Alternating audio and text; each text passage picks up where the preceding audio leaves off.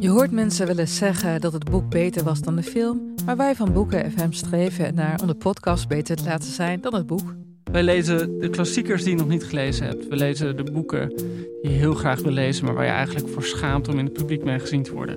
We lezen de Libris-winnaars. Uh, we praten over de Nobelprijslariaten. Allemaal zoals je een etentje hebt dat je moeiteloos mee kan praten en dat het lijkt alsof je helemaal belezen bent. Wij zijn Ellen, Joost en Charlotte van Boeken FM en je kunt ons luisteren in je favoriete podcast-app.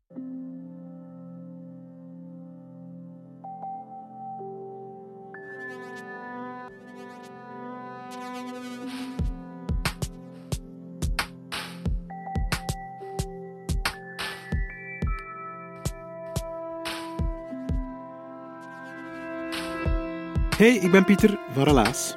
In Relaas krijg je waargebeurde verhalen en die worden altijd verteld door de mensen die ze zelf hebben meegemaakt. Ruud is zo'n madame. Ruud is een madame die nooit een uitdaging uit de weg gaat. Zeker als ze beseft dat ze daarmee haar eigen grenzen verlegt. Het verhaal dat je nu gaat horen speelt zich grotendeels af onder water. Dus is iets anders voor Relaas. Maar ook onder water kunnen er misverstanden gebeuren. En dat levert altijd een wijs relaas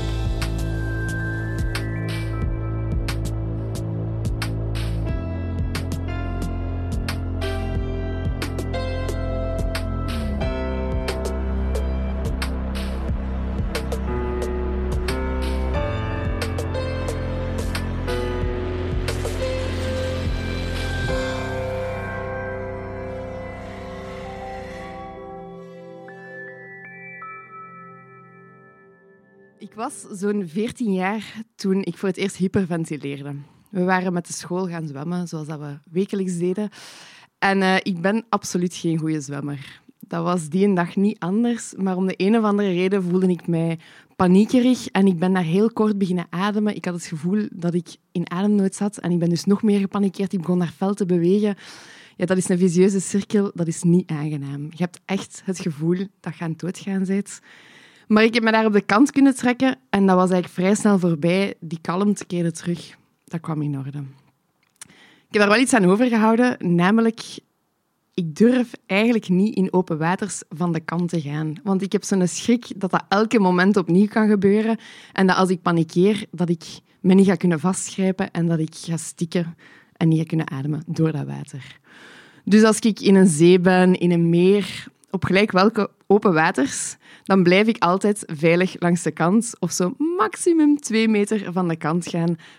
Vandaar waar ik zo net nog kan staan of met de minste kan vastgrijpen. Nu, uh, een tien jaar later ben ik op reis. En uh, op reis twee maanden met een vriendin. We komen vrienden tegen waar we een week lang mee rondtrekken. Dat is super gezellig. En zo komen er ook wel eens angsten naar boven en ook passies. En ik vertel dus, ja, ik heb eigenlijk echt onnozel, maar ik heb angst voor open water. Ik durf eigenlijk gewoon niet te zwemmen in open waters. En uh, Jonas die zegt, maar, mijn passie is duiken, je moet dat eens proberen. Je gaat dat echt cool vinden. En ik denk, uh, no way. Dat is in open water de hele tijd zijn. En waarom zou je dat doen? Dan kun je al helemaal niet te goed ademen. Maar jawel, je hebt net zuurstof bij je, dus je moet dat op die manier eens proberen. En ik blijf erbij, nee, ik ga dat echt niet doen. Maar hij vertelt ronduit over zijn passie en wij trekken ja, nog een week samen op, waardoor dat daar zo af en toe nog wel eens naar boven komt. Uh, en ik weet niet of je dat herkent, maar ik heb dat wel als ik angst voor iets heb, dan is er ook altijd iets anders dat mij triggert om die angst toch wel te gaan overwinnen. Dus misschien, zo heel misschien, moet ik dat toch eens testen. Ik heb dat aan de kant gezet. Um, voilà, zij zijn naar huis gegaan, die vriendin is naar huis gegaan en ik ben op mijn eentje uh, verder gereisd richting Colombia. Na een week daar rond te reizen bots ik op uh, een plek, Taganga. En dat blijkt het Walhalla te zijn voor uh, backpackers. Dat is een klein vissersdorpje dat zo wat in een baai zit, uh, ligt in de Caribische kust.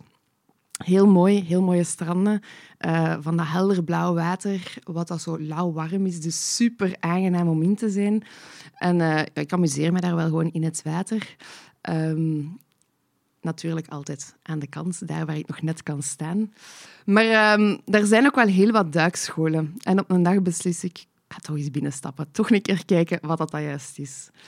En uh, ik ga in gesprek met Darwin, de instructeur van die school. En Darwin zegt me, maar ja, je hebt gelijk, probeer dat gewoon een keer. Ik zeg, maar ik heb echt wel angst van open water. dat is goed, ik weet dat en ik ga bij u blijven en dan komt in orde, we fixen dat. Probeer dat gewoon één dag en dan zie je dat wel. Dus ik denk, ja, kom, we zijn hier op reis, we gaan dat gewoon doen. Gewoon iets nieuws testen. Dus ik schrijf mij in om één dag mee te duiken. De volgende dag sta ik op. Uh, toch wel lichte stress. En ik denk, ga ik deze nu echt doen? Maar goed, we gaan dat doen. Hij heeft mij verzekerd dat dat in orde komt. Dus uh, ik stap mee op die boot om samen te gaan duiken. Ik word al een beetje misselijk, maar ik denk, ja, dat is misschien wel wat de stress. Anderzijds, ik word ook autoziek, dus misschien word ik dan ook zeeziek. Maar goed, het komt wel in orde. Um, alle materiaal wordt uitgelegd. Je doet duikpak aan, je doet uh, dat zuurstofmasker aan. En wij duiken dat water in en dat is echt wauw. Dat is zo schoon. Dat is een, ja, die wereld onder water, ik had daar nooit van gedroomd. Ik kende die langs geen kanten. En ik zwem daar rond en ik ontdek gewoon een hele nieuwe wereld. En ik ben ja, in de wolken, onder water. Uh, dat is echt fantastisch. Ik geniet daar enorm hard van. Um, en voilà, voordat ik het weet, is de tijd voorbij. Moeten we al terug naar boven om een pauze te pakken voordat we een tweede keer gaan duiken. Die pauze is op het uh, kleine bootje, uh, wiebelend mee op de golven van de zee. Uh, zeggen, hier, eet iets dat je sterk bent voor de tweede duik. En ik denk, nee, nee, ik ben echt wel wat misselijk, laat mij maar. Drink dan tenminste wat water. Dus ik drink water. En net op het moment dat iedereen het water begint in te gaan voor die tweede duik, voel ik, hier moet iets uit. En ik ga naar de rand van de boot en ik geef daar over alles wat er in mijn maag ligt. Toen heb ik geleerd dat dat kan gebeuren, maar dat je dan best wel niet tegen de stroming in overgeeft, want dat alle duikers die in het water lagen op die moment iets voelden zagen passeren. Uh, maar goed, beginnersfoutje, alles was eruit en ik was blij, want ik kon opnieuw het water in. Tweede duik, even fantastisch als die eerste duik en ik begin me echt heel goed te voelen in het water en denk, yes, dit is echt iets voor mij. En ik beslis die avond nog, ik ga de open water diving course doen. Dus drie dagen lang duikcursus. Die eerste dag telde dan al. En had ik nog twee dagen waarin dat we echt gingen oefenen. Wat is dat juist duiken? En dan daarna had ik een brevet waarmee ik overal kon gaan duiken. Ik dacht, ja, fantastisch. Die nieuwe wereld, ik wil die verder ontdekken. Dag twee. Um, voilà, ik ben klaar voor die tweede rit. Ik had een pilletje genomen dat ik deze keer niet misselijk ging worden en dat we dat alvast niet hadden. Um, en dag twee was vooral technieken. Dus wij gaan terug naar de oceaan, want daar is dat direct geleerd, alles gewoon in de oceaan zelf. We gaan naar de oceaan, een uh, laag stuk. We komen op de bodem aan van de oceaan en we moeten allerlei oefeningen doen. Oefeningen zoals uw uh, duikbril afzetten en met uw open, ogen open onder water zwemmen. Of uh, oefeningen zoals uw zuurstoftank dichtdraaien, even zonder zuurstof zitten en dan toch niet panikeren. Een zeer moeilijke oefening voor mij.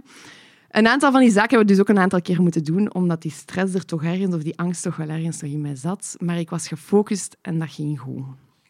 Allee, oké. Na die oefeningen besef ik wel, maar ik moet eigenlijk echt super dringend naar het toilet. Dat was al een tijdje, maar ik had dat gewoon volledig genegeerd, omdat ik gefocust was op die oefeningen en ik wou vooral dat doen. Nu, in elk duikcentrum, en dus daar ook, hing tien keer wel op een papier: do not pee in the swimsuit. Dus ik had onthouden, ik mag niet in dat duikpak hier plassen. En om ja, ik ben opgevoed met heel wat principes, dus ik heb me dat ook eigen gemaakt. Ik lees een regeltje, voilà, ik mag dat niet doen, dus ik doe dat niet, ik stel me daar geen vragen bij. En dus op die moment voel ik, ja, ik moet keihard plassen, maar ik mocht dat niet in dat duikpak doen. Oké, ja, dan gaan we naar boven. En ik steek mijn duim omhoog, wat dat een teken is naar uw instructor. We gaan naar boven. En die heeft zoiets, hè, waarom? Dus ik steek mijn twee handen in een driehoek tussen mijn benen om te teken te doen, ik moet plassen. Ja, die heeft iets anders begrepen, of ik weet niet wat dat hem dacht, maar die steekt zijn duim naar omlaag. Is goed, dan gaan we naar beneden. En ik denk, ja, whatever. Het maakt me niet uit waar dat we gaan plassen, maar ik moet dat pakje eruit krijgen en ik moet plassen. Dus wij gaan terug naar de bodem van de oceaan, waar we die oefeningen hadden gedaan. En ik begin daar uh, ja, mijn, uh, met een riem met al die gewichtjes af te doen en aan hem te geven. Mijn zuurstof dat op mijn rug hangt af te geven en aan hem te geven met die slang wel nog in mijn mond, want ja, moest blijven ademen. En uh, ik begin naar mijn pak uit te trekken en die kijkt naar wat zijn je bezig? Maar ik denk, plassen, plassen, plassen, dat is al wat ik aan kan denken. Dus ik trek dat allemaal uit en ik zit op mijn hurken en ik denk, oh, en ik laat dat volledig gaan. En ik draai me om naar mijn instructor en ik zie die zijn gezicht en ik denk dat hij pas op die moment besefte fuck, die is hier gewoon aan het plassen. En ik zit hier in jaren warme stroom, terwijl ik alle spullen vast heb. Dus die kon ook niet weg. Ja, dat is eigenlijk ook pas op die moment dat dat gevoel van die volle blaas weg was, dat ik besefte, dit is absurd. Dit is echt absurd. Goed, wij kijken op onze, op onze horloge, ons zuurstof is op.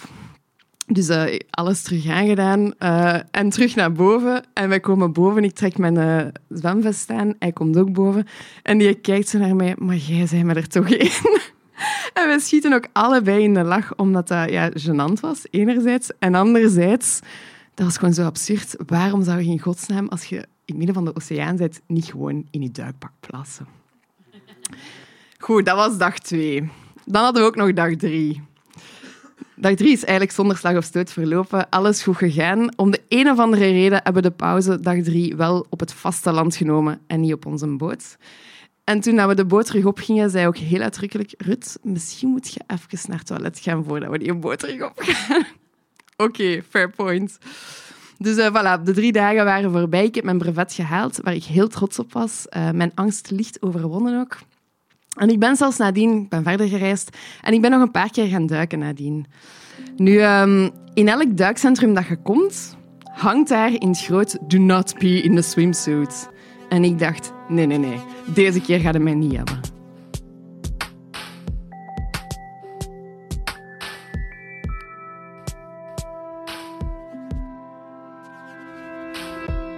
Dat was het relaas van Ruud.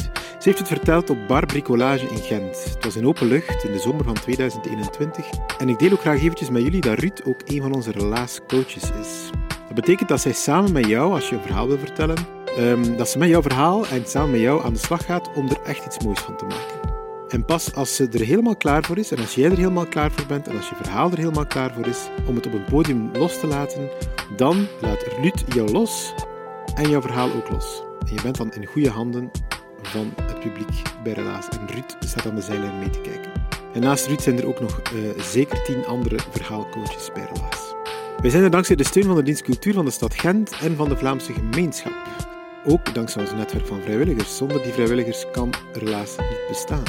Mensen zoals Ruud die Relaas maken door verhalen te vangen, door ze te coachen, maar ook mensen die de podcast opnemen, de podcast monteren of alles in goede banen leiden, relaasavonden organiseren. You name it, er is wel een taakje voor bij Relaas. Dus als je zelf ook relaasvrijwilliger wil worden, laat dan zeker iets weten via onze website. En jullie zijn bedankt om te luisteren.